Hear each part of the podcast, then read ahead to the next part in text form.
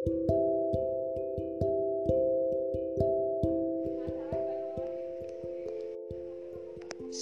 untukmu, Nak. Halo, Nak. Apa kabar? Semoga sehat ya. Semoga selalu dalam lingkaran kebaikan. Ibu membuat tulisan ini yang barangkali nyaman kamu baca di usia belasan atau dua puluhan. Ibu mau cerita tentang sedikit perjalanan ibu di masa muda dulu. iya, masa-masa ambisius, selalu ingin menjadi juara, mencoba banyak hal, menyibukkan diri bertemu banyak orang dan peluang, hmm, dan hal asik lainnya. Kamu tahu, Hidup itu tidak selamanya mulus, tidak selalu sesuai ingin kita ternyata.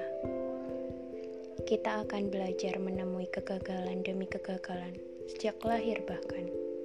Mulai dari jatuh saat belajar berjalan, belajar hingga larut malam untuk ulangan harian, lantas mendapat nilai, ya yang pas-pasan saja.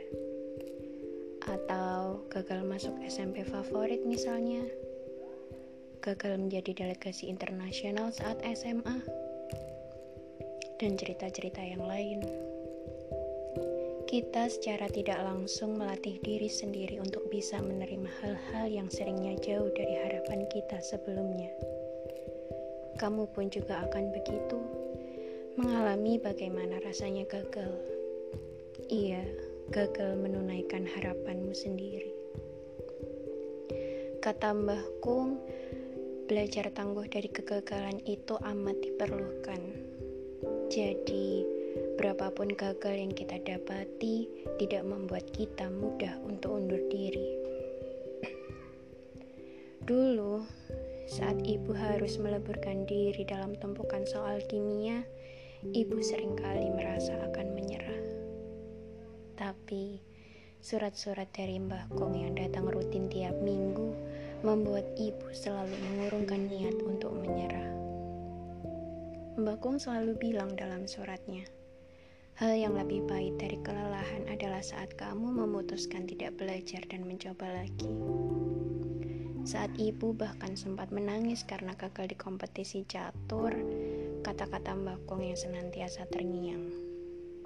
Bapak bangga, kamu sudah mau berusaha keras itu sudah lebih dari cukup untuk Bapak.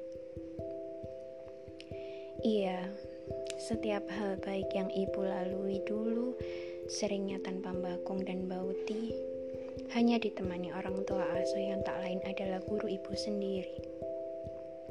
Ya, begitulah cara orang tua ibu membesarkan ibu. Tidak selalu dibersamai tapi ibu masih merasa beruntung sebab surat dari Mbah Kung yang datang tiap minggu dan buku harian dari Mbak Uti cukup bisa mereda rindu ibu saat itu meski tidak banyak. Kalau kamu merasa lelah atas harapan yang tidak selalu berhasil diraih, istirahatlah sejenak. Lantas mencobanya lagi ya. Berjuang memang seperti itu.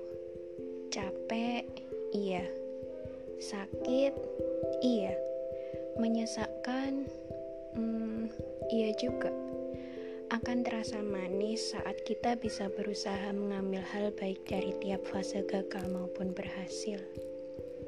Ibu selalu bangga dengan Mauti dan Bakung yang selalu menguatkan ibu. Sekalipun seringnya, ibu harus mandiri datang di tiap perlombaan belajar larut malam sendirian, kadang pun menangis sendirian saat pengumuman gagal tak sekali dua kali tersebutkan. Entah, saat kamu membaca surat ini, apakah ibu akan mengulangi cerita hidup ibu lagi padamu? Yang membuatmu berjuang sendirian karena ibu akan sibuk dengan amanah ibu saat ini yang lebih mementingkan orang lain. Barangkali ibu akan sering mempedulikan orang lain dibanding kamu. Entah kamu akan terpikir untuk sempat membenci ibu atau tidak. Sama persis saat dulu ibu pernah membenci Bakung dan Bauti hanya karena ibu harus dipindah keluar kota sendirian. Semakin ke sini, rasanya ibu malu sempat membenci Bagong dan Bauti dulu.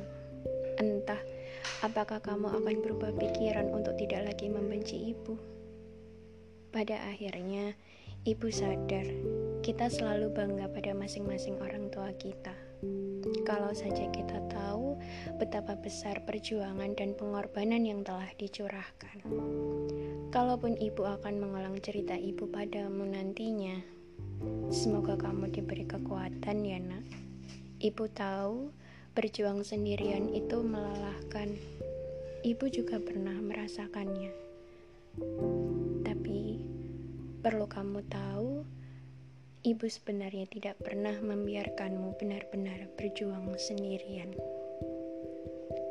Dari ibumu, Putri.